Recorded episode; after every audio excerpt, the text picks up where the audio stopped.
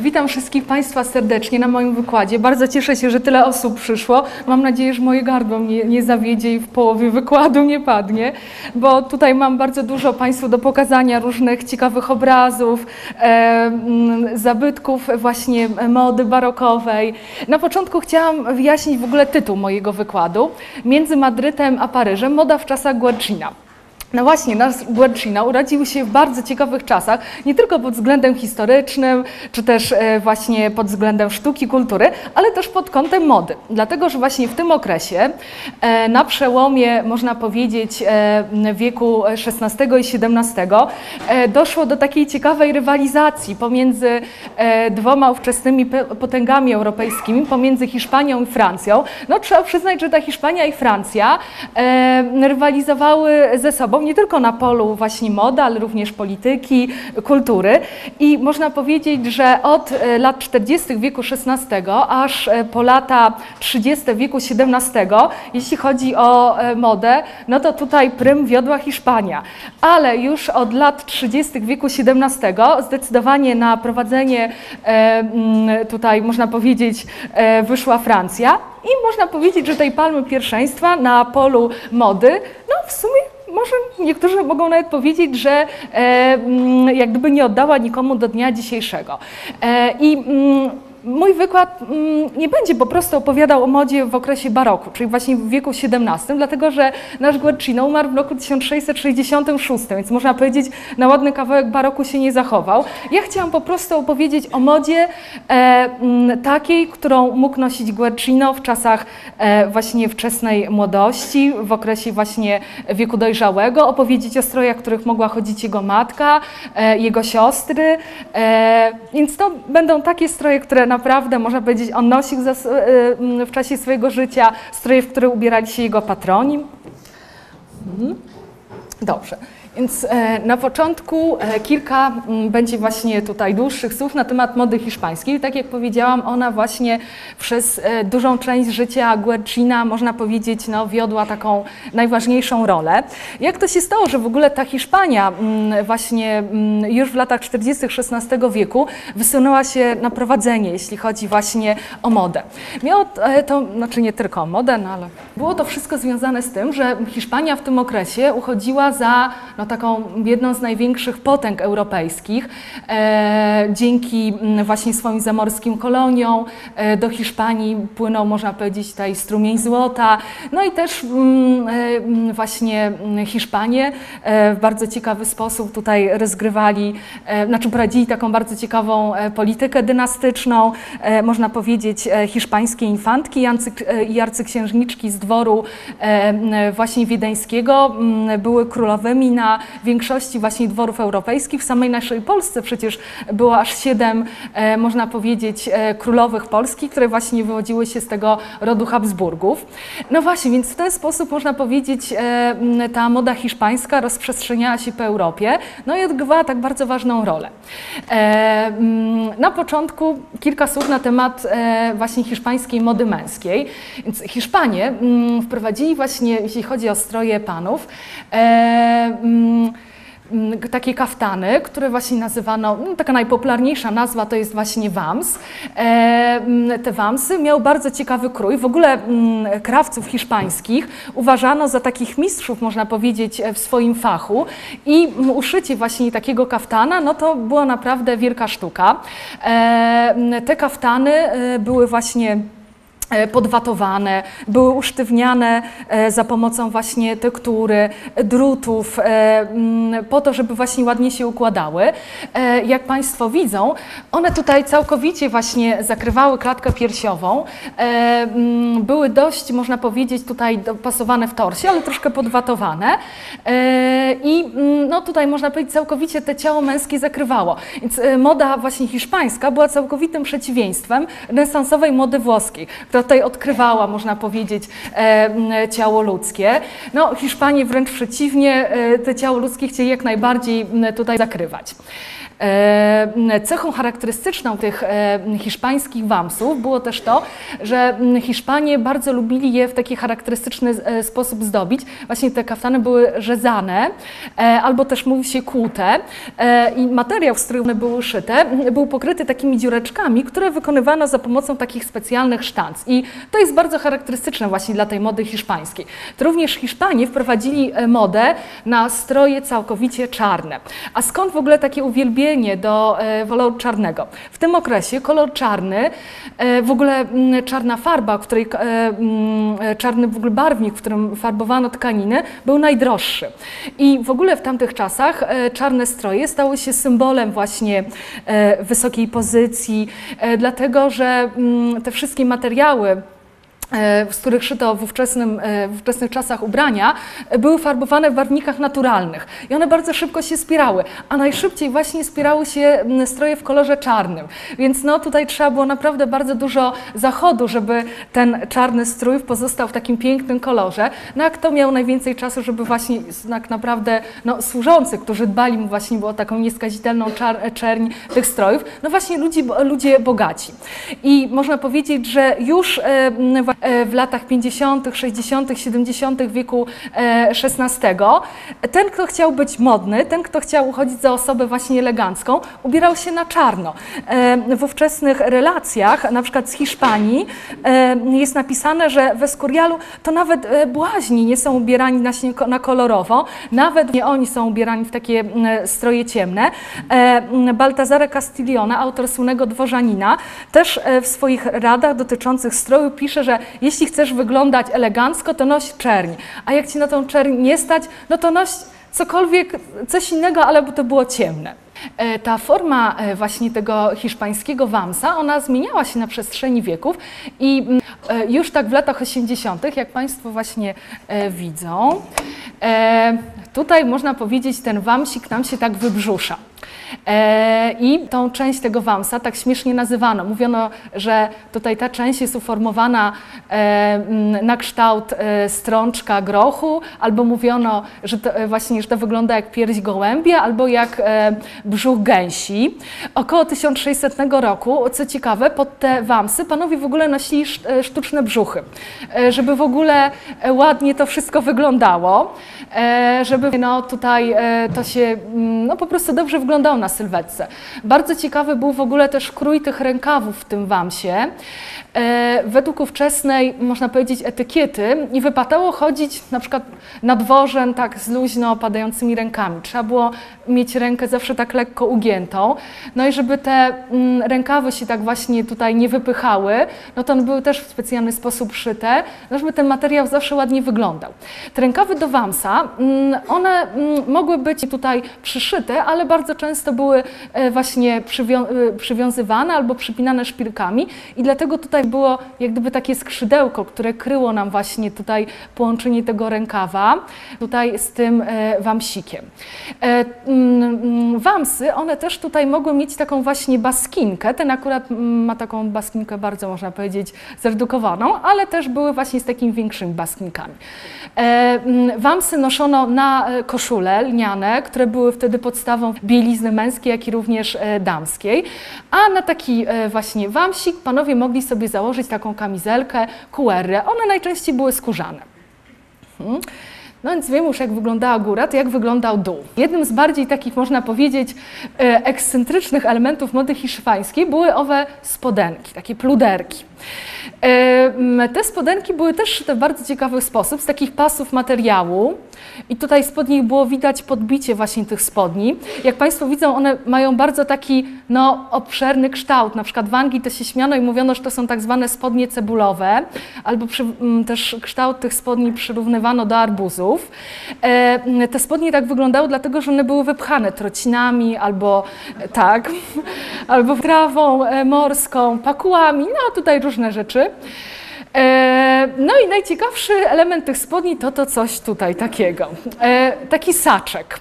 Skąd ten saczek się tutaj wziął?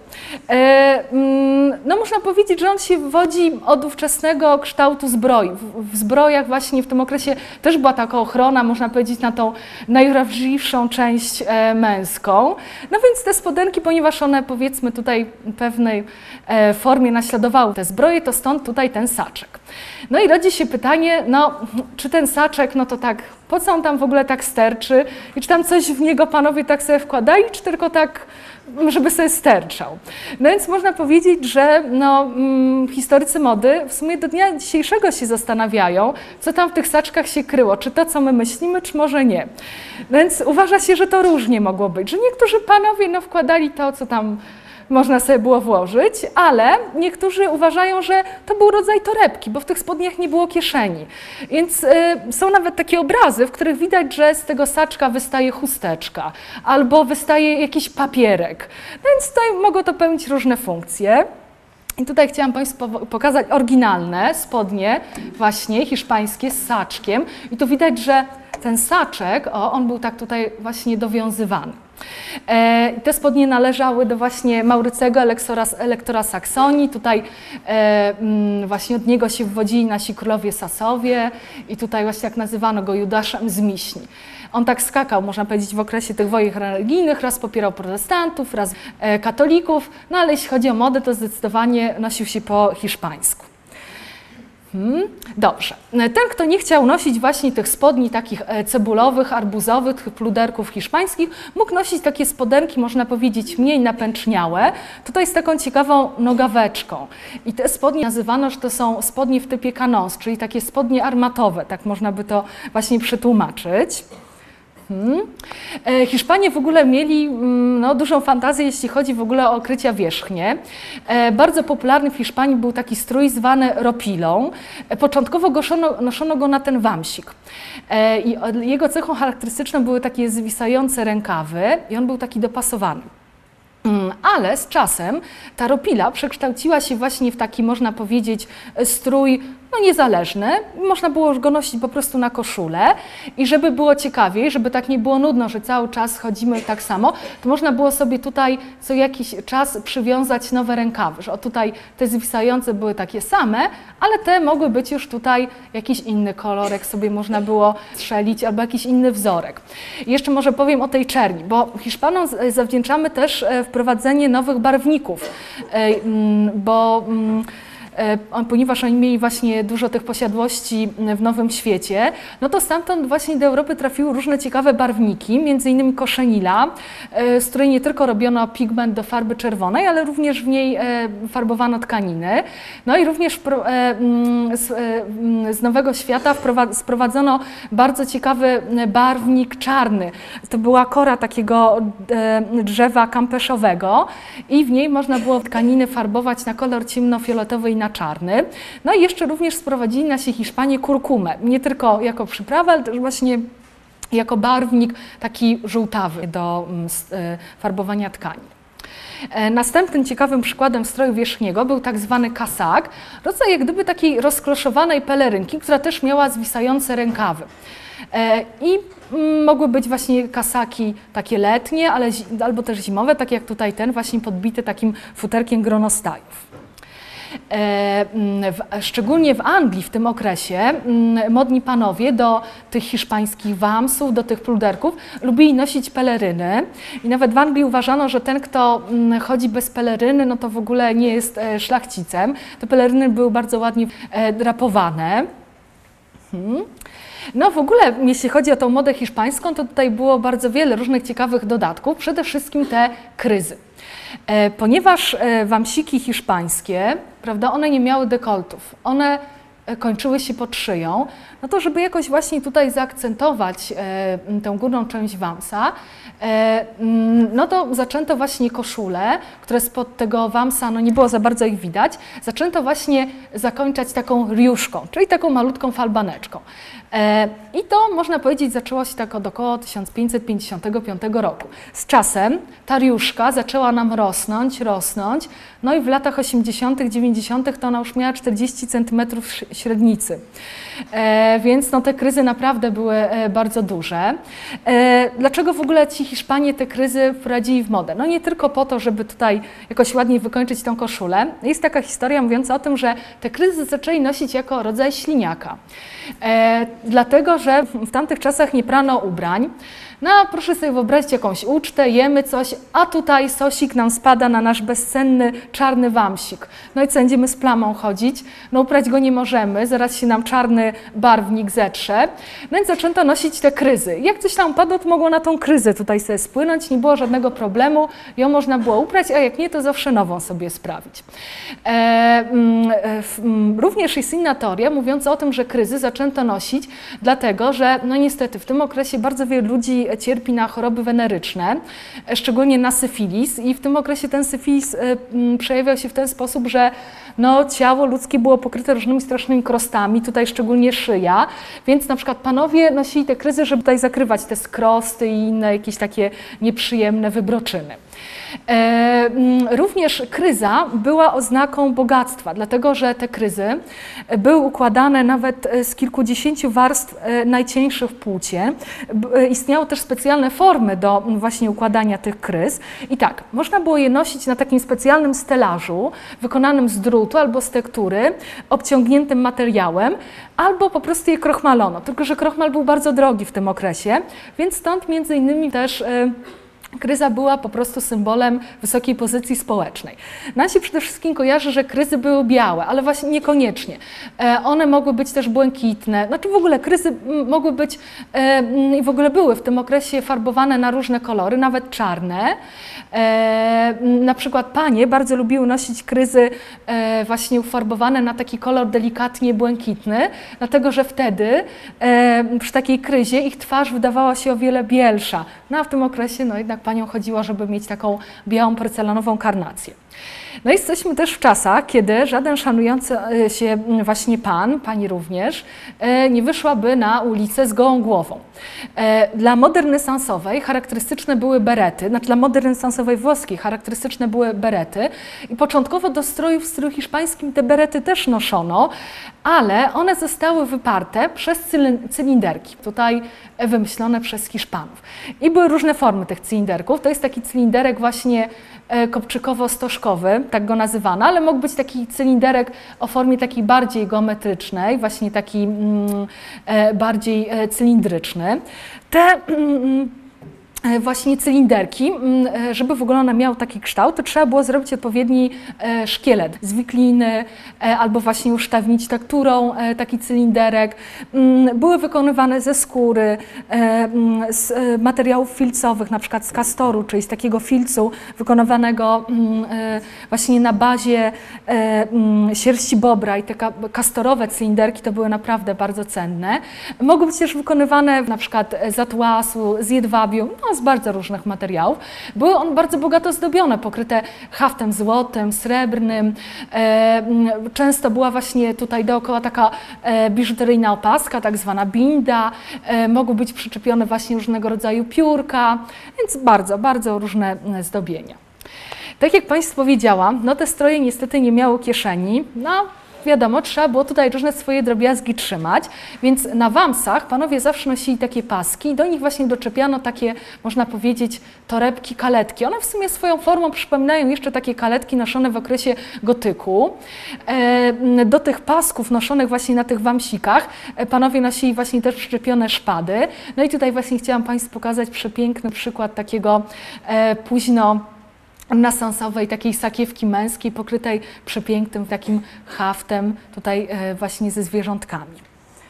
Mhm.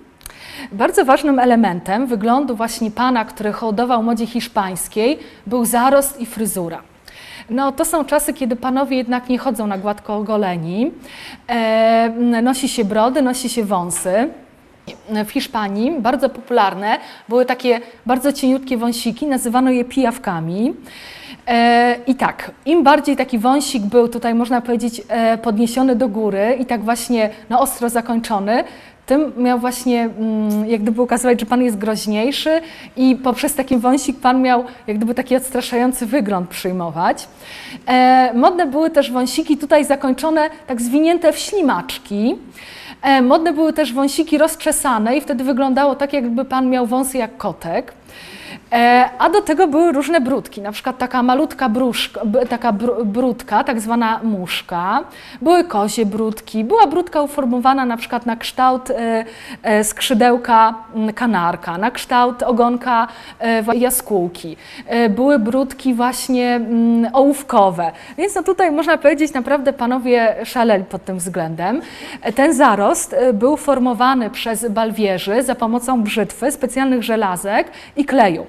E, I panowie, można powiedzieć, byli tak czuli na punkcie wyglądu swojego zarostu, że spali nawet w specjalnych ochraniaczach w nocy, żeby ten zarost tutaj się jakoś im nie zmierzwił. E, mm, no i e, też na przykład były specjalne sznureczki służące właśnie tutaj do naciągania tych wąsów, więc no to było ważne. No i też odpowiednie fryzury. No więc na przykład mm, e, właśnie do tych strojów e, mm, hiszpańskich noszono takie włosy krótsze i tutaj skręcone w takie loki, w takie pejsy i takie właśnie nazywano guedejas. No i bardzo modna też była taka grzywka podkręcona. Hmm. No ale to akurat te fryzury bardzo nie podobały się właśnie mm, księdzom e, w Hiszpanii i to bardzo krytykowano. No i z czasem tutaj zamiast tych loków zaczęto nosić po prostu takie włosy do uszu, ale z grzywek Hiszpanom bardzo trudno było mm, zrezygnować. Mhm. E, ponieważ nasze pluderki, no to były spodnie krótkie, no to z gołymi łydkami pan nie mógł chodzić, nawet latem. Trzeba było nosić pończochy. E, pończochy były też, e, można powiedzieć, takim wyznacznikiem statusu, dlatego że najdroższe pończochy były właśnie wykonywane z jedwabiów. To były tkane jedwabne pończochy i zszywane, bo w tym okresie nie, nie umiano pończoch robić takich, można powiedzieć, od razu cały gotowy, które można by mm, tutaj od razu sobie na nóżkę włożyć. E, kilka części tych pończoch tkano i później je zszywano. E, te pończochy jedwabne były bardzo cienkie, więc no zimą to trzeba było nawet kilka par nałożyć. Co ciekawe, e, te pończochy czasami właśnie jacyś eleganci nakładają w ten sposób, że na przykład nakładali sobie pończochę czerwoną i na to nie zakładano drugiej czerwonej pończochy, żeby wzmocnić na przykład kolor tej pończochy, tylko na przykład na czerwoną zakładano sobie zieloną, cieniutką, żeby spod tej zieleni prześwitywała nam taka czerwień. Te pończochy tutaj na wysokości łydki były zdobione e, właśnie haftem z nici metalowej e, i mm, e, do nich noszono takie płytkie buty, które były tutaj zdobione takimi wspaniałymi rozetami wykonanymi z, z, takiej ciężkiej, mocnej koronki ze złotej i srebrnej nici. Te rozety maskowały sznurowania butów. No i buciki oczywiście mają obcasiki. Tutaj w E, też w tym okresie pojawiły się takie buty o bardzo ciekawej, można powiedzieć, podeszwie, nazywanej właśnie butami w, e, most, tak to mówiono, most zwodzony, tak właśnie nazywano ten typ, więc trzeba przyznać, że naprawdę ta moda była bardzo taka bogata właśnie i ciekawa. Jeśli chodzi o te pończochy, to one miały naprawdę bardzo różne kolory. I można powiedzieć, że e, ceny tych pończoch jedwabnych troszeczkę spadły po tym, jak w 1589 roku William Lee e, z Nottingham wymyślił i opatentował maszynę pończoszniczą. E, więc to wtedy no, mm, troszkę już były tańsze, ale nadal mm, mimo wszystko były bardzo drogie i były tym wyznacznikiem wysokiej pozycji. E, osoby, no, których nie było stać na jedwabie, nosiły pończochy właśnie wełniane albo lniane. No i tak, żeby te pończochy nam nie spadały, to trzeba było nosić podwiązki. Te podwiązki stały się też takim bardzo ważnym elementem właśnie e, stroju męskiego. One mogły być też wykonywane z jedwabiu, e, mm, z atłasu, mogły być e, e, też do nich tutaj właśnie przyszyte takie rozety, mogły być przyszyte właśnie koronki, e, więc mm, panowie jak gdyby tych właśnie podwiązek się nie wstydzili, tylko wręcz przeciwnie pokazywali je, byli dumni z tego również elementu swojej garderoby. No i tutaj chciałam Państwu pokazać kilka oryginalnych właśnie zabytków e, tych strojów hiszpańskich.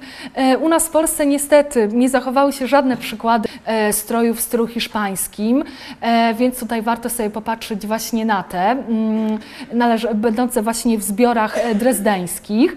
Można powiedzieć, że już w początkach wieku XVII e, ci panowie, którzy hołdowali modzie hiszpańskiej, no nie każdy chciał chodzić w tych czerniach, zresztą muszę powiedzieć, że ta czerń to mm, zwolennicy mody hiszpańskiej nie nosili jej na co dzień. Tak jak powiedziałam, stroje czarne były bardzo drogie, więc strój czarnym na przykład szło się pozować do portretu, albo na przykład, nie wiem, na jakąś ważną okazję, a tak to na co dzień często te stroje właśnie w stylu hiszpańskim były kolorowe, tak jak tutaj ten wamsik i tutaj te pluderki, tylko proszę zobaczyć, forma pluderek już się nam e, zmieniła, e, one stopniowo będą e, jak gdyby wydłużać, to opuchlizna, że tak się wyrażę, będzie schodzić, no i saczek nam tutaj znikł, za to pojawił się rozporek.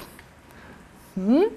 A, a tutaj mamy właśnie takie spodenki e, pluderki, właśnie takie jeszcze troszkę napuchnięte. One były noszone wymiennie z tymi takimi już bardziej dłuższymi i takimi, no, e, już takimi można powiedzieć cieńszymi. To zależało po prostu już od gustów męskich.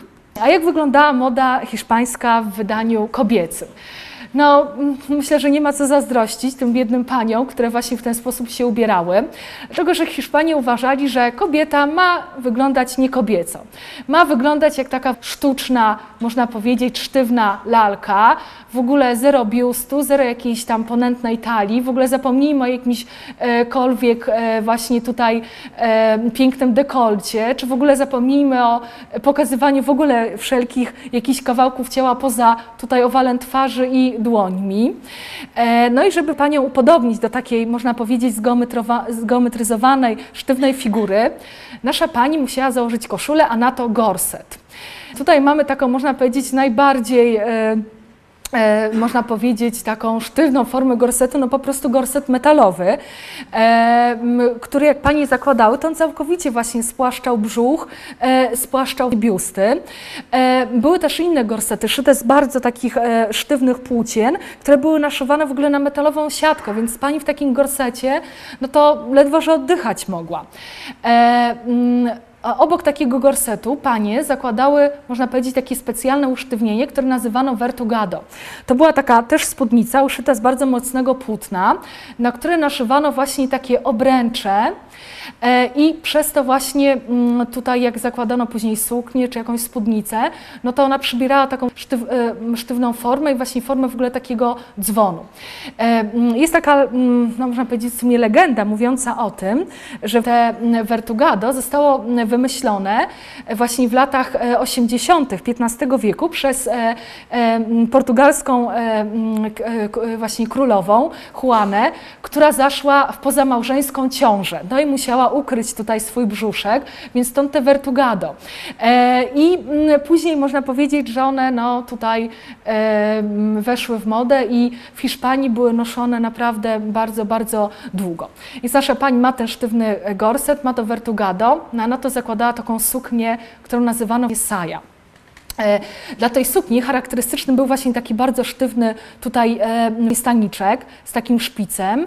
E, taka spódnica, która całkowicie zakrywała nogi, bo Hiszpanie mówili, że kobiety nie mają nóg, w ogóle nie można ich pokazywać. Jak e, posłowie francuscy przywieźli w darze dla e, królowej Hiszpanii szkatułkę z bezcennymi właśnie pończochami jedwabnymi, to Hiszpanie z furią je oddali, powiedzieli, że królowa Hiszpanii nie ma nóg i że w ogóle, no jak oni śmieli taki prezent jej tutaj w ogóle sprawić. Dla tych sai charakterystyczne były też takie rękawy, takie rozcinane i takie długie, É. albo takie właśnie zaokrąglone jak tutaj. No i tak jak Państwo też widzą, te suknie hiszpańskie, one były strasznie bogato zdobione, one w ogóle były przeraźliwie ciężkie. Taki strój mógł ważyć nawet 30 kg, więc no, mm, to w tym trudno w ogóle ustać była, chodzić, siedzieć, no to już w ogóle. E, e, mm, jeśli chodzi o kolory, czernie, jakieś takie przegaszone brązy, oliwkowe, no i ewentualnie jakieś tutaj biele. E, te suknie były zdobione właśnie mm, ciężkimi haftami, takimi złotymi, srebrnymi, były naszywane różnego rodzaju biżuterią. E, te, te saje, można powiedzieć, mimo wszystko to były takie stroje reprezentacyjne. Dlatego, mm, a i tutaj właśnie chciałam Państwu pokazać e, taki zachowany, bezcenny przykład właśnie takiej sai.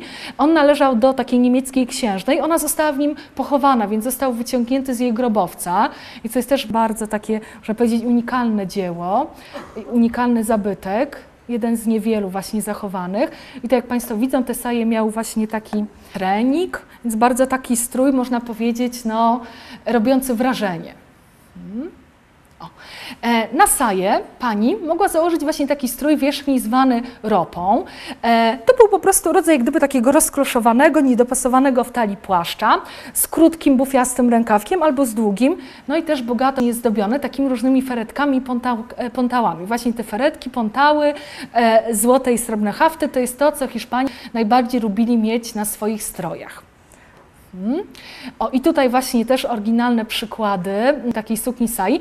Tak jak mówiłam, te ropy i też te saje strasznie sztywne, niewygodne. No, panie no, musiały też coś mieć takiego, żeby na przykład konno się przejechać albo na jakiś spacer pójść, a nie tak ciągle na sztywno.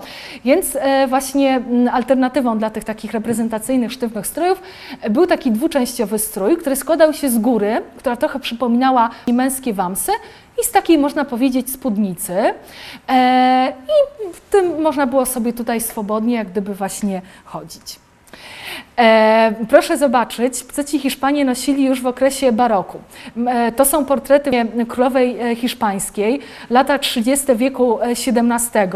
No już można powiedzieć, większa część Europy chodzi sobie w bardziej luźnych i przyjaznych, że tak powiem, dla ciała strojach francuskich, a Hiszpanie jakby w ogóle nie wiedzieli, że narodziło się coś takiego jak miła, można powiedzieć, i wygodna moda francuska. Oni nadal, że tak powiem, chodzą na sztywno.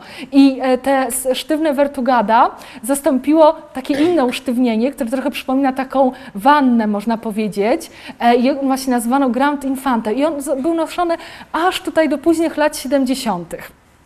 Hmm. No i tutaj właśnie mamy taką oryginalną suknię, właśnie hiszpańską, barokową, na tym Grand Infante. E, Hmm, a do tego nasi Hiszpanie w okresie baroku nosili takie, panie nosiły właśnie takie straszne peruki. I gdy e, mm, do Francji przybyła właśnie e, przyszła żona Ludwika XIV, to ona mu się bardzo nie podobała właśnie w tych strojach hiszpańskich i w ogóle cały dwór, można powiedzieć, e, francuski był no, tutaj szykowany jej wyglądem. Zresztą co ciekawe, również takie hiszpańskie stroje nie podobały się na przykład naszym polskim monarchom, no bo tutaj na przykład nasz król Władysław IV, jego pierwsza małżonka, no, była prawda z rodu Habsburgów i jak przysłano królowi jej konterfekt, no to ona była tak ubrana i król powiedział, że no dobrze, ona mi się podoba, ale ten strój nie. E, jak przyjedzie do Polski, to proszę, żeby była ubrana w strój francuski. A strój francuski był dekoltowany, pokazywał tutaj kawałek biustu, no i w ogóle bardziej był kobiecy. Hmm. No i tutaj chciałam Państwu pokazać kilka obrazów ukazujących właśnie Włochów z czasów, można powiedzieć, naszego e, tutaj Guercina. E, portrety genu genueńskich dam ubranych właśnie w takie sztywne tutaj te stroje hiszpańskie. Proszę zwrócić uwagę na te kryzy 40 e, właśnie centymetrowe, obszyte koronkami, ponieważ Włochy w tym okresie w większej części można powiedzieć pod wpływem tutaj Hiszpanii, tej Genua w ogóle można powiedzieć, że było jakby centrum finansowym, w ogóle cała Hiszpania, jak gdyby król Hiszpanii siedział e, w kieszeni genuańskich kupców, no to stąd taka popularność tych e, strojów hiszpańskich właśnie we Włoszech. Mm, tutaj mamy stroje e, męskie, noszone właśnie przez Włochów. Ta popularność, można powiedzieć, mody hiszpańskiej mm, też mm, odgrywała dużą rolę w Niderlandach, dlatego że no one były posiadłościami habsburskimi. No i tutaj właśnie mamy parę namiestników e, hiszpańskich, infantkę Izabelę Krale Eugenię, ukochaną córkę Filipa II i brata naszego słynnego cesarza Rudolfa, e, tego cesarza od e, właśnie cesarza magów. I mm, z tą postacią, właśnie tutaj z tą Izabelą Królą Eugenią jest związane bardzo ciekawe pojęcie.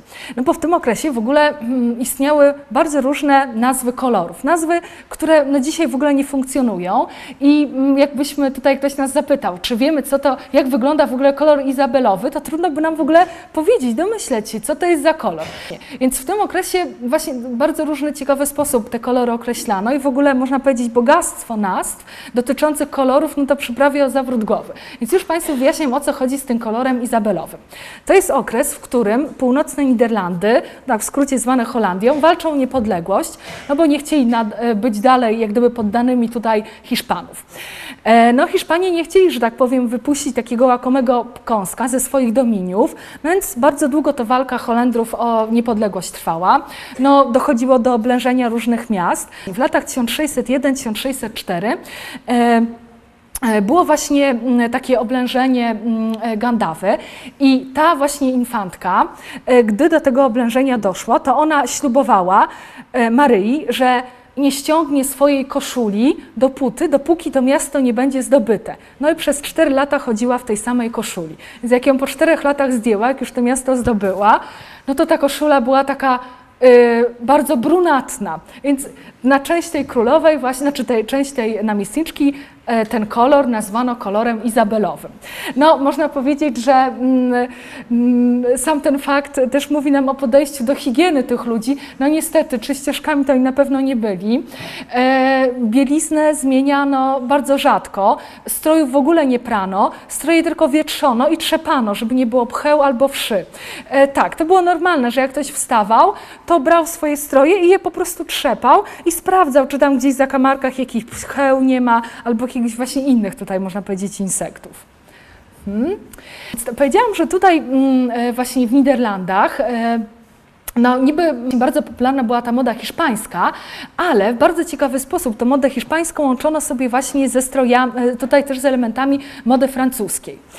E, Mamy bardzo ciekawe portrety mm, właśnie e, mm, niderlandzkich bogatych patrycjuszek. E, i w tym okresie mm, już w dwóch pierwszych dekadach wieku XVII właśnie na terenach Niderlandów, ale też na przykład na terenach na przykład Gdańska u nas w Polsce weszły w modę właśnie takie można powiedzieć, staniczki, do których noszono spódnice i na to noszono właśnie takie saje, tylko że mnie w Hiszpanii już nazywa, znaczy w Holandii nazwano inaczej, w leger. I tutaj proszę zobaczyć, jak śmiesznie wygląda tu właśnie zakończenie tego staniczka. Trochę wygląda jakby pani była w ciąży, ale panie w ciąży nie są. One noszą tutaj pod e, swoimi e, sukniami taki wałek, który w modę wprowadzili właśnie Francuzi. I to był krzyk mody, żeby w ten sposób tutaj taki wałek sobie na biodrach wiązać i w ten sposób te bioderka sobie powiększać. To było między innymi związane też ze wczesnym ideałem urody, że właśnie e, piękna kobieta, przystojny mężczyzna, no to ma być taka pulchna osoba, a nie właśnie jakaś taka chudzinka. Więc tutaj jeśli chodzi o tą modę, to broń Boże nie była to moda, która miała wyszczuplać, tylko raczej tak dodawać jak gdyby właśnie sylwetki. Bardzo ważnym elementem w stroju właśnie takiej e, e, bogatej właśnie mm, e, mieszczanki z północnych czy też południowych Niderlandów był czepeczek e, diademowy, kryza i takie właśnie tutaj mankiety. One były szyte z bezcennych właśnie takich płócien lnianych albo batystowych. W ogóle w tym okresie Holandia, szczególnie miasto Haarlem, słynęło z wyrobu fantastycznej e, jakości właśnie płótna. E, m, W jaki sposób te płótna w ogóle wykonywano? E, Te płótna harlemskie, one słynęły w ogóle też z tego, że miały wspaniałą taką, m, można powiedzieć, fakturę, taką gładką jak jedwab, ale były za to bardzo mocne, no i miały przepiękny, taki śnieżno-biały kolor. Jak to uzyskiwano? Więc takie płótna lniane, czy też batystowe, najpierw moczono w, e, w zimnej wodzie, następnie prano w takiej wrzącej wodzie z dodatkiem mydła. Następnie praczka sprawdzała każdy centymetr płótna, czy nie ma żadnej jakiejś plamki, jak była, no to na tarze to właśnie tam tarła. Następnie takie płótna wieszano na sznurach, żeby one odciekły. Później znowu gotowano je z ługiem i następnie rozkładano właśnie na takich łąkach i regularnie moczono, regularnie zwilżano. I one pod wpływem właśnie słońca, tej powietrza nam ulegały właśnie takiemu wybieleniu, że ta biel to była taka aż świetlista, można powiedzieć. Te płótna to było, można powiedzieć, marzenie każdego eleganta, każdej, e, można powiedzieć, modnisi w tym okresie. Tutaj, jak widzimy właśnie, mm, e, oprócz e, takich e, staniczków właśnie mm, pokrytych jakimiś guziczkami złotymi, też była moda, żeby właśnie haftować takie staniki. Co ciekawe, te hafty wykonywali panowie, bo w tym okresie, mm, można powiedzieć, to mężczyźni specjalizowali się właśnie w takiej sztuce haftu i te hafty panowie czerpali z takich wzorników. Takie wzorniki hafciarskie to były już od, popularne od około 1530 roku. E, I bardzo często panie zakładały takie pięknie haftowane staniki właśnie na ceremonię ślubu. E, no tutaj może nas dziwić, bo w ogóle tutaj mm, ta pani być może w ogóle jest w swoim stroju ślubnym ukazana i może nas dziwić, że no strój ślubny na czarny. No ale to, dla, to dlatego, że jednak czarny w tym okresie, tak jak mówiłam, strój elegancki. E, tutaj proszę zobaczyć, jak fajnie były podpinane właśnie te mm, mm, stroje, te wierzchnie właśnie w lieger, które nosiły nasze panie. No żeby ten strój nie był taki nudny, to do takiego na przykład staniczka można było sobie założyć kolorową spódniczkę i one były naszywane w takie charakterystyczne pasy, właśnie zdobione takimi galonami, czyli takimi plecionymi nićmi, e, no żeby po prostu było tak ciekawiej. E, no i tu właśnie mamy jeszcze inne przykłady strojów, e, można powiedzieć stateczne Niderlandki chętnie też nosiły fartuszki do swoich strojów, ale jednym z takich najważniejszych elementów stroju właśnie patrycjuszów Niderlandów były rękawiczki. Te rękawiczki odgrywały bardzo ważną rolę w ceremonii zaręczyn. Był taki zwyczaj właśnie w Niderlandach, że mężczyzna z okazji zaręczyn wręczał kobiecie kosz, w którym znajdowały się właśnie podarki dla przyszłej żony. Koszula, e, czepeczek, e, koronkowe mankiety, kryza, no i właśnie te rękawiczki. E, I mm, gest mężczyzna wręczający rękawiczki e, był bardzo ważnym gestem. E, jak gdyby oznaczał to, że mężczyzna e, obiecuje kobiecie, że się z nią ożeni, że ona mm, zostanie jego żoną, że składa jej obietnicę. I właśnie na dowód tej obietnicy daje jej te rękawiczki. I te rękawiczki one były szyte na przykład z bardzo mięciutkiej skóry i były zdobione przepięknymi haftami i były tak cenne, że w bardzo wielu kolekcjach właśnie zachowały się rękawiczki, a to w ogóle jest, można powiedzieć, jeden z najcenniejszych zabytków, bo to jest portret właśnie takiej bogatej patrycjuszki amsterdamskiej, do którego oryginalnie zachowały się te rękawiczki. Właśnie ten portret jest w Rijksmuseum i również w zbiorach Rijksmuseum są te rękawiczki, które tutaj no, ponad 300 lat temu zostały namalowane na tym portrecie. Te rękawiczki były pokryte ciekawymi haftami, one miały też e, swoją symbolikę. Na przykład tutaj mamy bażancika, który był e, symbolem właśnie płodności. Jest tutaj też na tych e, rękawiczkach wyhaftowana e, mm, właśnie e, paw, który był symbolem w ogóle małżeństwa. E, są właśnie owoce, które były symbolem tutaj wanitatywnym, przypominały o przemijaniu. I tak, gdy pani właśnie tutaj już szła na ceremonię zaślubin, to miała na rękach założone te rękawiczki. I w czasie ceremonii ślubnej, gdy właśnie no tutaj małżonkowie musieli sobie podać ręce, no to ręce nie mogły być w rękawiczkach, rękawiczkach, trzeba było je zdjąć. No i był taki przesąd w Holandii, że jeśli w czasie ceremonii ślubnej zdejmowało się rękawiczka, ona się porwała, no to jest zła wróżba dla tego małżeństwa. Więc tak bardzo delikatnie tą rękawiczkę zdejmowano, żeby broń Boże tutaj ona się nie uszkodziła. Hmm. E, no, ponieważ e, mm, no, te stroje, można powiedzieć, y, może nie do końca, no były takie ciepłe, szczególnie na przykład w klimacie właśnie holenderskim, to trzeba było coś e, właśnie na te suknie zakładać. I najpopularniejszym takim okryciem dla pań były właśnie takie śmieszne peleryny. E, najwięcej pań w takich pelerynach widać na różnych obrazach ukazujących lodowiska. Wanie lodowisku było strasznie modne w tym okresie. E, I to był rodzaj takich pelerynek czarnych, które zakładano tutaj na głowę i one miały chronić właśnie e, przed kurzem, przed deszczem, przed śniegiem, jednocześnie ogrzewać. I tak, mm, takie pelerynki, które tutaj zwieńczano takim śmiesznym kapelusikiem, to nosiły panie w Niderlandach Południowych. Natomiast e, takie właśnie e, pelerynki tutaj jak gdyby z takimi różkami, to nosiły panie w, w Holandii, czyli w tych Niderlandach północnych. E, te stroje, które nosiły nasze panie, tak jak mm, właśnie mówiłam, tak jak stroje męskie, niestety nie miały kieszenie, no a panie zawsze no, coś tutaj muszą ze sobą nosić, więc modne były takie torebeczki, do których były dołączone też poduszeczki na igły, no ale można powiedzieć w ogóle bestsellerem tego okresu były torebeczki w kształcie żabek.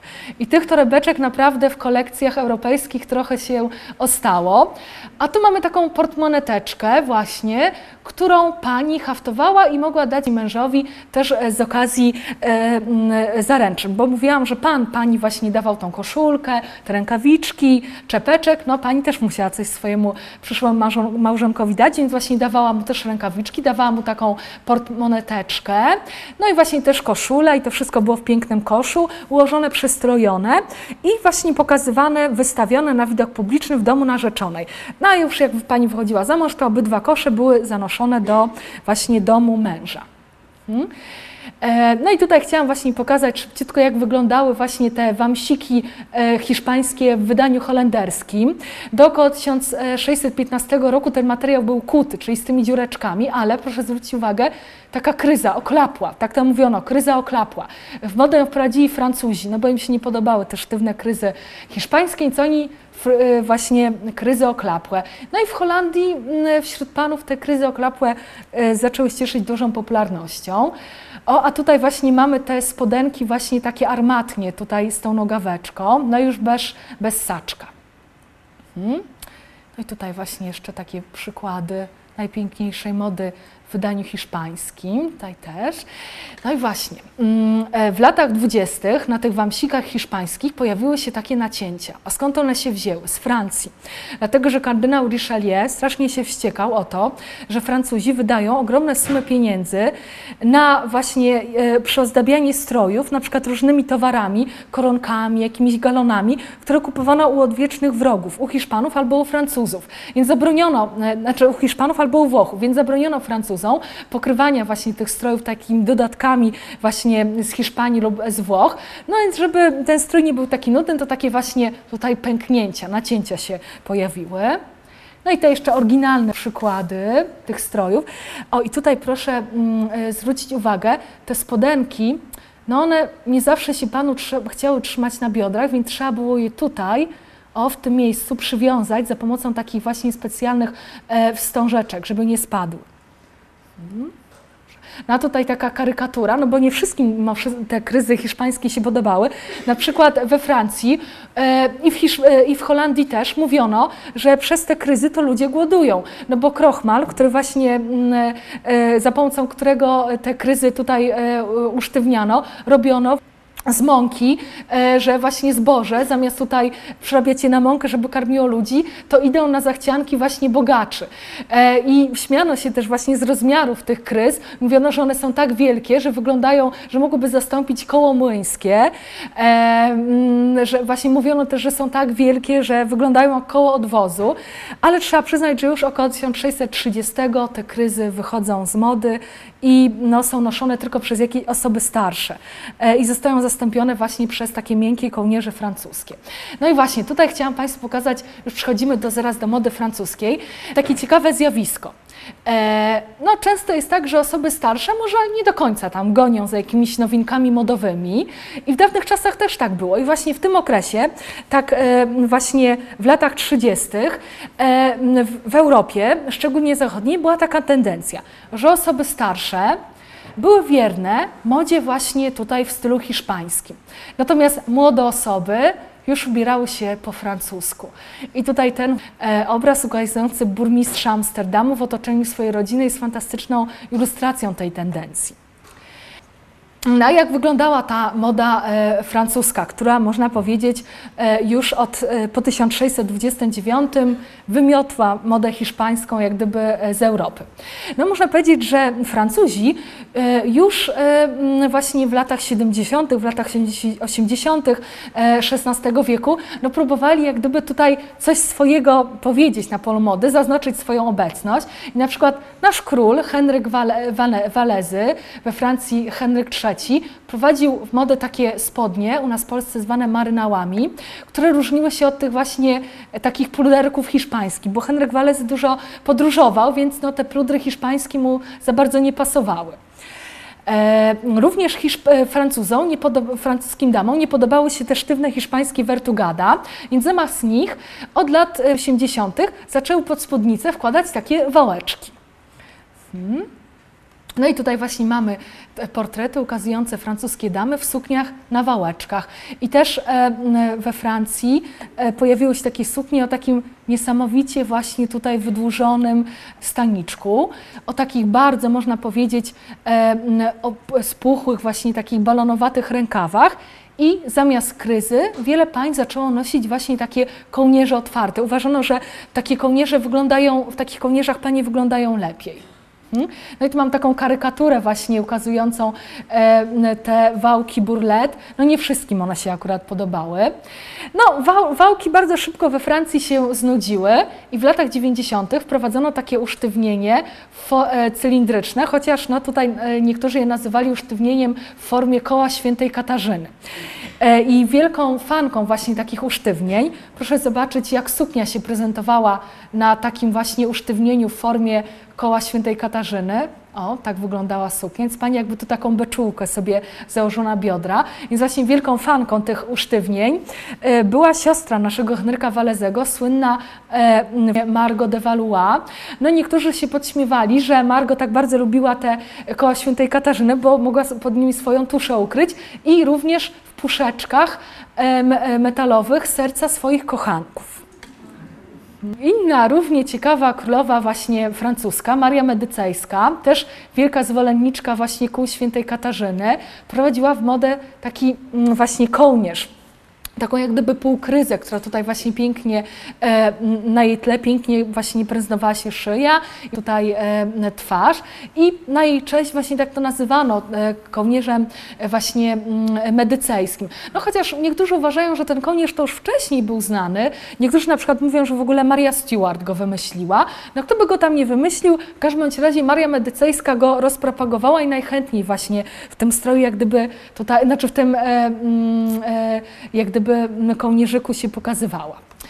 E, mm, Również Francuzi wprowadzili w modę takie mm, e, kołnierze, które były jak gdyby właśnie zaprzeczeniem kryzy. E, ale wcale nie były takie miękkie, wcale nie były wygodne, dlatego że tutaj drucik był taki właśnie mm, wpleciony. To też znowu takie nie było wygodne.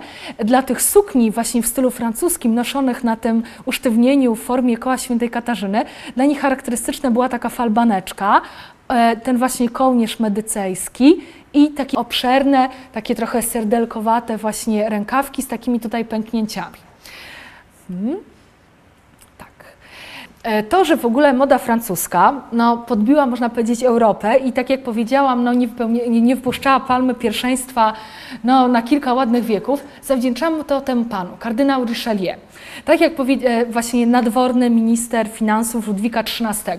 No tak jak powiedziałam, mi się strasznie nie podobało to, że Francuzi właśnie kupują weneckie, bardzo drogie koronki, jedwabie z Genui, mm, jakieś tutaj dodatki na przykład e, z Hiszpanii, na przykład drogie hiszpańskie jedwabne pończochy, czy też jedwabne pończochy z Neapolu. E, I stwierdził, że musimy tutaj zaproponować ludziom jakieś inne stroje, żeby no, te pieniądze zostawały w kasie Francji, a nie tutaj u naszych wrogów. Więc najpierw właśnie w latach 1629-33 kardynał Richelieu wydawał różne mm, takie mm, jak gdyby właśnie takie odezwy, takie zakazy, które właśnie mówiły, czego nie można nosić, a co można.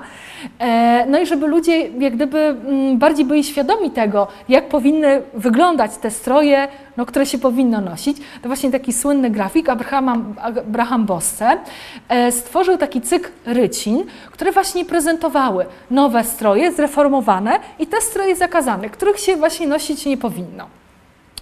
No i tak wyglądał właśnie, o, strój francuski, o tutaj, który powinno się nosić, a tutaj są te stroje takie właśnie, które powinno się porzucić. O, bogato zdobione dodatkami właśnie e, rodem z Hiszpanii albo z Włoch. Podstawą właśnie tego nowego barokowego stroju francuskiego były takie kaftany, właśnie nazywane pourpin. One miały tutaj takie charakterystyczne właśnie duże e, baskiny, i później miał też takie mm, tutaj szersze rękawy i właśnie tak nacinane. I do nich noszono już takie właśnie luźniejsze spodnie. I tutaj tak, do lat 40., właśnie w wieku XVII spodnie, żeby one właśnie nie spadły, tak jak mówiłam, trzeba było dowiązywać za pomocą właśnie takich wstążeczek, które były na końcach zakończone metalowymi e, właśnie takimi skóweczkami, e, a już po 1640 spodnie były tak krojone, że spokojnie można było nosić je już tak normalnie, ale kokardki zostały albo przemieniły się w rozetki, już miały taki charakter dekoracyjny. Te nasze właśnie mm, e, kaftany francuskie, te pourpoint, e, je noszono już bez kryzy. Do nich zakładano właśnie takie miękkie, wykładane kołnierze, które były zakończone koronką. Już nie koronką e, na przykład właśnie flamandzką, czy też wenecką, tylko już koronką francuską, dlatego że minister Colbert, no, żeby Francuzi nie wdawali pieniędzy na te na przykład drogie koronki weneckie, sprowadził koronczarki z Wenecji do Francji, osadził je we Francji i one robiły już koronki francuskie. I można było sobie takie koronki już kupować. I tutaj przykłady właśnie tego wamsika, znaczy tego kaftana francuskiego pourpin z każdej strony. O, tutaj właśnie z tymi nacięciami, tu są właśnie te wstążeczki, o i tutaj te skóweczki widać. Dobrze, na nich się trzymają nasze spodnie.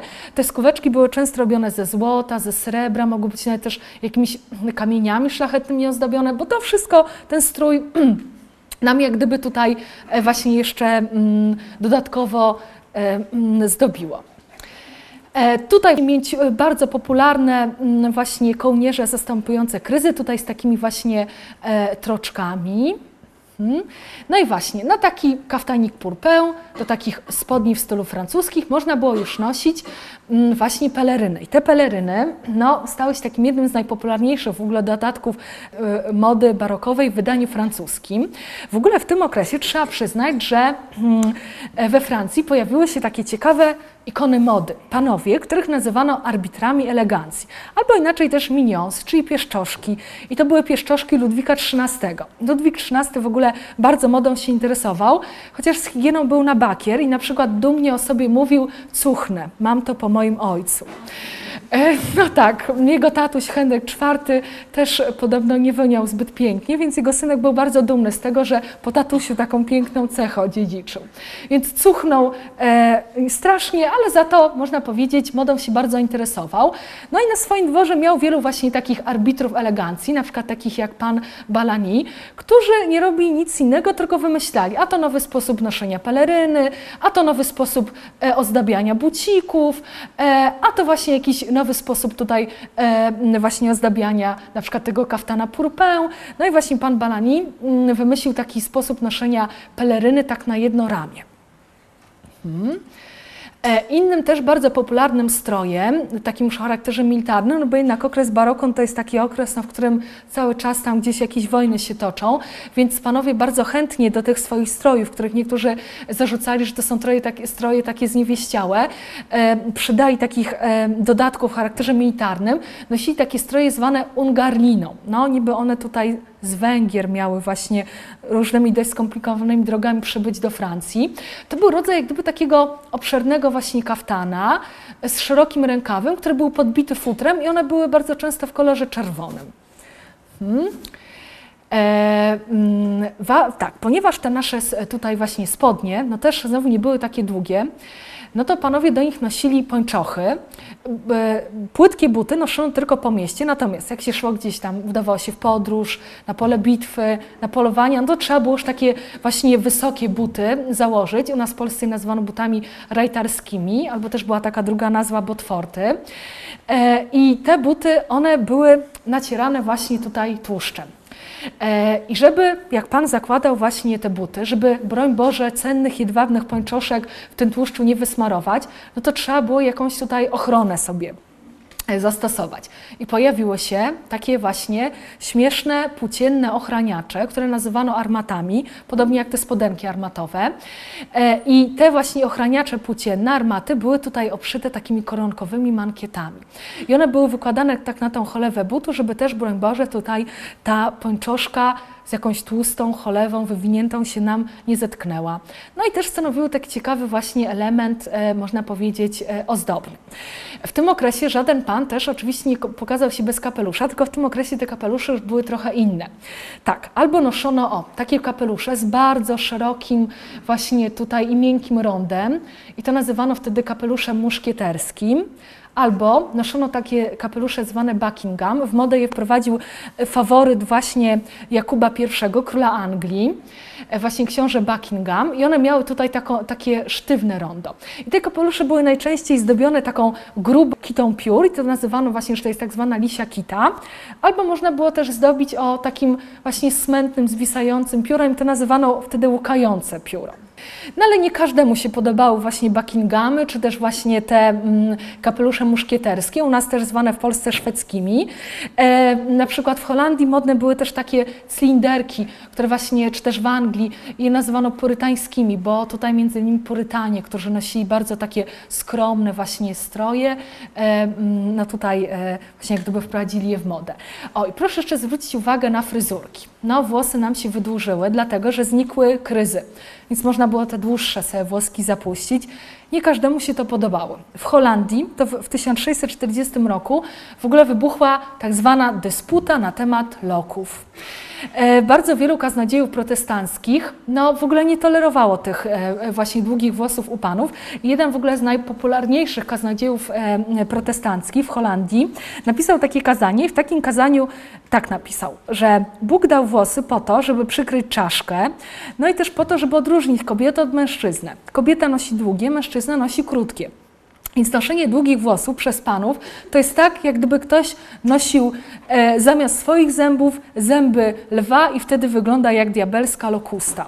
Tak właśnie tutaj napisał ten kaznodzieja. I muszę Państwu powiedzieć, że ten spór na temat loków tak bardzo tutaj rozgorzał, że w ogóle no, pojawiały się różne takie de, e, właśnie jakieś obostrzenia. Na przykład kaznodzieje protestancy mówili, że ten, kto przyjdzie w długich włosach, to w ogóle nie dostanie komunii, z tego zboru będzie wypędzony no bili się w ogóle zwolennicy długich, krótkich włosów, więc w końcu sami właśnie kaznodziejowie w 1645 roku ten spór wygasili i powiedzieli, że można sobie no, nosić takie włosy, jakie się chce. Ten, kto chce mieć długie, nosi długie, ten, kto chce krótkie, nosi krótkie. To już po prostu zależy od indywidualnych gustów. E, obok długich włosów pojawiła się bardzo taka ciekawa fryzura, którą nazywano lokiem miłości. Love lock albo fryzura właśnie la cadanet. No i tutaj dochodzi do sporu pomiędzy Francuzami i Anglikami. Anglicy mówią, że loka miłości wymyślił o, tutaj ten pan, Henry Riosley, do którego e, niby miał wzdychać Szekspir i jemu właśnie swoje sonety dedykować. Natomiast Francuzi mówią, że jaki tam Riosley, e, przecież tego loka miłości to wymyślił nasz pieszczoszek, pan Cadanet. E, no, kto by go tam nie wymyślił, e, fryzura była bardzo ciekawa. Mm, e, to był po prostu właśnie taki dłuższy pukiel włosów, który panowie nosili tutaj właśnie na prawej piersi. Tu, gdzie mam, na lewej piersi, tu, gdzie mamy serce. I tak jak sama nazwa mówi, lok miłości symbolizował fakt, że mężczyzna jest jak gdyby tutaj zaangażowany uczuciowo. I bardzo często na tym loku miłości o, pojawiał się tak zwany fawor. O, tutaj go doskonale widać. Czyli taka kokardka, tutaj na przykład z taką, z jakąś perełką albo z jakąś biżuterią. E, I ten fawor to bardzo często był prezentem, który właśnie taki mm, amant dostał od swojej ukochanej. I takiego fawora sobie zawieszał na loku miłości. Już wszystko było jasne, że ten pan jest zakochany. Hmm, no i właśnie wielkim fanem loków miłości był nasz król, właśnie Władysław IV. Hmm. No a tutaj jeszcze proszę zwrócić uwagę na te budki właśnie rajtarskie, jak one są tutaj ciekawie zdobione. O, mamy takie właśnie przyszwy w formie motylków. No po co one były? Dla ozdoby oczywiście. Hmm. O. Tak, tutaj już właśnie o tych mówiłam sprawach, o, ale właśnie chcę powiedzieć o tym elemencie. No bo tak jak mówiłam, panowie do strojów e, właśnie francuskich chcieli trochę przydać charakteru militarnego, trochę takiego charakteru męskiego im przydać. No więc Francuzi wprowadzili modę takie stroje zwane koletem, czyli rodzaj jak gdyby takiej skórzanej kamizelki, szytej właśnie ze skór e, najczęściej mm, właśnie jelenich I, i to był taki rodzaj stroju ochronnego. Nosili je e, właśnie tutaj początkowo żołnierze, ale później wszyscy inni mężczyźni, którzy udawali się gdzieś w podróże, na polowanie, gdzieś na spacer. Też na przykład marynarze nosili te kolety. E, co ciekawe, te kolety, ponieważ one były szyte ze skór, to niezbyt ładnie pachniały, bo do wyprawiania tych skół ałunu używano. I mm, kobiety bardzo nie lubiły, właśnie paniom się bardzo nie podobało, jak mężczyźni nosili te kolety, dlatego zaczęto je perfumować. I w ogóle w tym okresie wiele różnych elementów męskiej garderoby, na przykład rękawice, były perfumowane po to, no żeby tutaj jak gdyby pań od, nie, e, właśnie ten brzydki zapach nie odstręczał, właśnie nie odstręczał od takich galantów. No i tutaj właśnie chciałam pokazać Państwu jeszcze taki ciekawy przykład koletu z długim rękawem, bo właśnie mógł być też taki. Hmm? I do niego można było nosić właśnie taki miękki kołnierz. Hmm? Oj, tutaj mam bardzo fajny obraz naszej kolekcji Muzeum Narodowego, gdzie właśnie jeden z panów taki kolecik ma. Ale w ogóle jednym z takich strojów właśnie, na który był szał w tym okresie e, właśnie w Europie, e, była taka zjaka która już była noszona w Hiszpanii, przy Hiszpanii właśnie w renesansie, w drugiej połowie wieku XVI. Hiszpanie mieli ją przejąć od Maurów, ale właśnie w okresie baroku, mm, jak gdyby ona nabrała takiego całkiem innego charakteru. Stała się takim strojem, można powiedzieć, samodzielnym i stała się w ogóle też symbolem e, wysokiej pozycji społecznej. Tutaj mam bardzo piękny portret Jana Sixa, burmistrza właśnie Amsterdamu, namalowany przez Rembrandta, właśnie w, taki, w tej kazjace. E, mm, te kazjaki barokowe różniły się trochę od tych e, kazjak hiszpańskich, bo one się stały jeszcze bardziej, można powiedzieć, takie obszerne i te rękawy stały się bardzo szerokie, i tutaj było szereg takich guziczków i można było sobie taki właśnie kazjakę nałożyć na przykład na swojego purpointa francuskiego i nosić takie tutaj zwisające e, właśnie rękawy. I tak, mm, taka kazjaka kosztowała o wiele więcej, uszycie jej kosztowało o wiele więcej niż uszycie takiego purponta i dlatego ona była właśnie strojem takim bogatym, strojem mówiącym o tym, że mężczyzna, który nosi taki strój jest mężczyzną e, jak gdyby właśnie zajmującym wysoką pozycję społeczną. Na przykład w ówczesnych e, właśnie jakichś wspomnieniach, na przykład słynnych pamiętnikach Samuela Pepysa, jego było stać na taką kazjakę dopiero jak stał się urzędnikiem królewskim i w swoim właśnie pamiętniku dumnie pisze, że no nareszcie odebrałem swoją kazjakę, dobrze się w niej prezentuje. Te kazjaki były szyte, ponieważ tak, one były zakładane na podróż, do jakichś ćwiczeń wojskowych, na polowania, na spacery, to one były szyte z mocnych materiałów wełnianych i najczęściej w kolorze właśnie czerwonym, brązowym, takim zielonkawym i zdobione takimi złotymi guzikami. I tutaj znowu przepiękny przykład właśnie obrazu z naszej kolekcji muzealnych i ten pan też, ten oficer ma taką piękną kazjakę tutaj. Hmm. Dobrze. I tutaj właśnie E, mm, właśnie e, chciałam pokazać e, stroje francuskie, właśnie noszone w młodości przez Ludwika XIV. Stroje męskie, można powiedzieć, no w sumie takie ostatnie stroje męskie, które za życia mógł widzieć właśnie nasz Guercino. No, Ludwik XIV słynął z tego, że był bardzo dumny ze swojego wyglądu, ze swoich właśnie kasztanowych pukli, ze swoich zgrabnych łydek. No nie miał kompleksów na tle swojego wyglądu. I właśnie, no, można powiedzieć, że chyba nie ma lepszego przykładu ukazującego różnicę pomiędzy właśnie taką, no, powiedzmy, bardziej zrelaksowaną, swobodną modą francuską, a sztywną modą hiszpańską, e, niż ta wspaniała tapiseria ukazująca właśnie spotkanie Ludwika XIV z królem Hiszpanii Filipem IV. Hmm? No i właśnie, mm, co to były za stroje, w których chodzi nasz Ludwik XIV e, w, e, w czasach młodości? Więc mm, to był taki właśnie śmieszny kaftanik, taki kusy, króciutki i takie spod, spodnie, które wyglądały trochę jak spódnico spodnie. Ten strój, właśnie ten kaftanik nazywano innocent, e, a te spodenki nazywano ringrew. I właśnie tak mówiono, że to, jest rodzaj takich spódnico spodni.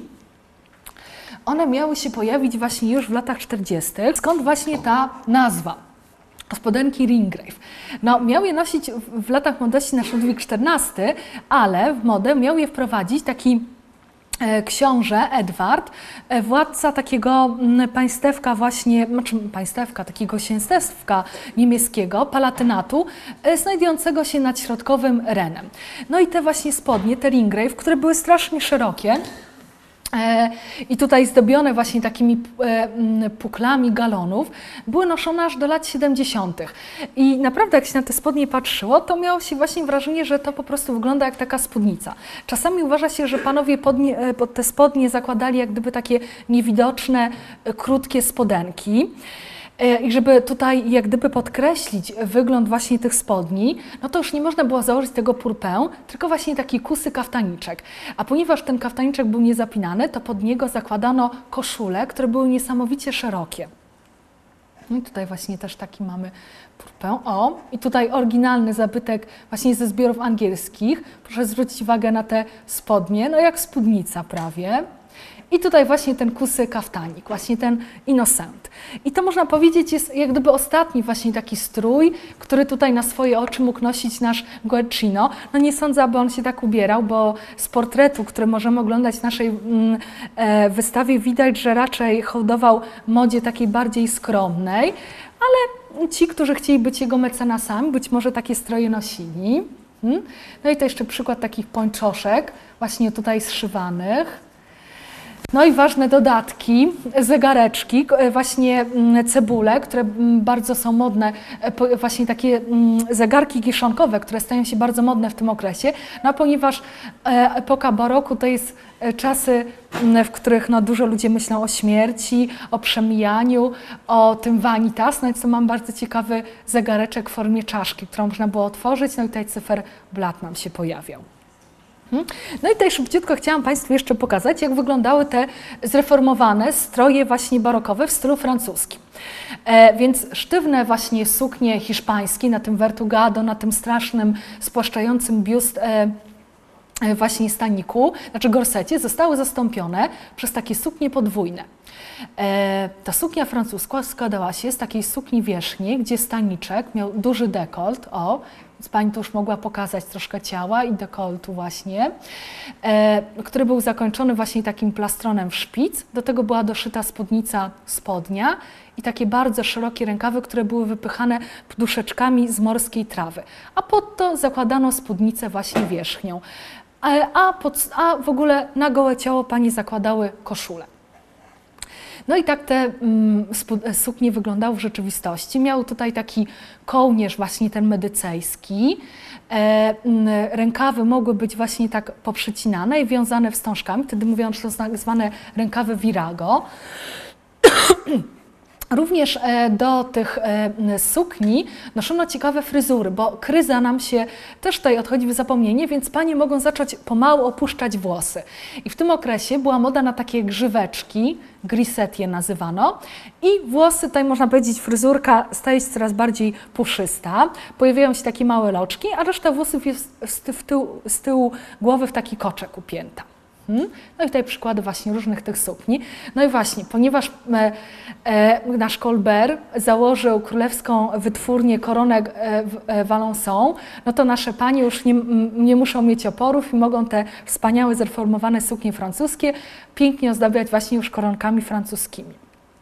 Hmm? Wśród zreformowanych strojów francuskich, barokowych, pojawił się, no można powiedzieć, w ogóle przebój. E, który no, panie w całej Europie z miejsca kupiły i w ogóle można powiedzieć powitały chyba wielkim tutaj krzykiem radości. Dwuczęściowy strój nazywany ala modą, który składał się z takiego szakieciku i spódnicy. I to był, można powiedzieć, pierwszy taki wygodny, można powiedzieć, e, jakiś uniwersalny strój, który pojawił się nareszcie w modzie kobiecej. E, tutaj góra tej sukni ala mody, znaczy ona się nazywała po francusku ala mod, a u nas w Polsce ją nazwano ala modą, e, był krojony tak jak właśnie męski, ten kaftanik francuski purpą i do tego spódnica. I proszę zobaczyć, już bez żadnych jakichś tam wertugadów, wałków, koł świętej Katarzyny e, i w takim właśnie komplecie E, o którym się mówi, że był jak gdyby prababcią garsonek, które przecież nosimy do dnia dzisiejszego. Panie mogły sobie podróżować, jeździć konno, bo te stroje były szyte z bardzo różnych materiałów. O tutaj właśnie mam strasznie fajny obraz ze zbiorów naszego muzeum. Gdzieś pani się udaje na przechadzkę i proszę bardzo, ala modę sobie założyła, no bo co innego, co wygodniejszego e, by miała. I tutaj mamy właśnie oryginalną górę od tej ala mody. Tutaj mamy też panią w Alamodzie i tak jak powiedziałam, ona mogła mieć taki charakter casualowy, jak to się dzisiaj mówi, sportowy, ale mogła mieć też taki charakter bardziej elegancki. Wtedy o, tutaj proszę bardzo, takie komplety koronek można było sobie tutaj założyć. E, bardzo często te alamody były, ponieważ tak jak powiedziałam, podróżowano w nich, chodzono na spacerki, jeździono konno, polowano, to do nich zakładano takie czepeczki, a na to właśnie takie kapelusze. To był wtedy e, taki strój już właśnie o tym charakterze takim bardziej sportowym sportowo-casualowym i wtedy taka ala moda była szyta na przykład nie z jakiegoś jedwabiu, tylko już na przykład z jakiegoś materiału wełnianego. Hmm? No a jakie budki pani kryły właśnie pod e, swoimi sukniami w stylu francuskim? O właśnie takie. I to są buty, które naprawdę były uniwersalne, bo one się pojawiają na bardzo różnych obrazach barokowych, malowanych i we Włoszech, i w Niderlandach, a ten zabytek, który tutaj Państwo e, patrzą, pochodzi z naszych zbiorów polskich, znajduje się właśnie w Muzeum Narodowym w Krakowie. Więc buciki właśnie takie skórkowe, pięknie rzezane. E, I tutaj dla Państwa zagadka. Na jednym z obrazów wiszących na naszej e, wystawie Guercina. Te budki też są namalowane, więc można sobie pójść na wystawę i poszukać tych budków, na którym obrazie pani takie budki prezentuje. No a do budków pani zakładały też jedwabne pończochy i to też w bardzo różnych kolorach. E, nie każde paniom podobały się te wydekoltowane stroje właśnie mm, e, francuskie. I na przykład niektóre panie starsze, tak jak mówiłam, E, były tutaj e, wierne modzie hiszpańskiej, e, a niektóre na przykład, o proszę bardzo, nosiły suknię francuską, ale wstydziły się tutaj pokazywać dekolcik, biuścik, więc zakładały takie stateczne, piękne właśnie mm, kołnierze. I na przykład znowu właśnie w tych Niderlandach panią grożono, że jak przyjdą w dekolcie do zboru protestanckiego, to komunii nie dostaną. I tak samo właśnie grożono, że jak przyjdą o w takich właśnie tutaj włoskach odkrytych, to też komunii nie dostaną. E, więc właśnie panie e, zakładały takie czepeczki, no ale uważano, że to tak wygląda trochę głupio i w końcu i tak machnęły na to ręką i wchodziły już całkiem odkrytymi głowami. No i właśnie, i tak tutaj można powiedzieć, wyglądała ewolucja tych sukni francuskich. E, stopniowo dekolt stawał się coraz większy, coraz więcej panie tutaj pokazywały i stopniowo ten e, w sumie stosunkowo jeszcze miękki w latach 30. stanik stawał się coraz sztywniejszy, coraz twardszy i tak będzie można powiedzieć do końca wieku właśnie XVII. No i właśnie, jak jakaś pani nie chciała o takiego dekoltu nosić, no to sobie tak statecznie nosiła właśnie, zakładała koszulę, tutaj całkowicie przykrywającą dekolt i na to właśnie taką chusteczkę, ale to było oznaka bogactwa, bo to były chustki batystowe, bardzo drogie. Hmm? E, żeby było ciekawiej, to właśnie w latach 40. pojawiła się moda, żeby e, te suknie wierzchnie tak podpinać i pokazywać na przykład kontrastową spódniczkę. E, I w tym okresie też te suknie zaczęły się w ogóle rozdzielać i troszeczkę inaczej forma rękawów się nam układa, tak jak tutaj oryginalny, bezcenny zabytek ze zbiorów e, angielskich. No i też pojawiły się bardzo sztywne, no niestety znowu gorsety. E, te gorsety były najczęściej w kolorze czerwonym i albo były sznurowane z przodu i wtedy nie miały rękawów, albo też były takie gorsety właśnie sznurowane z tyłu, wtedy miały rękaw doczepiany.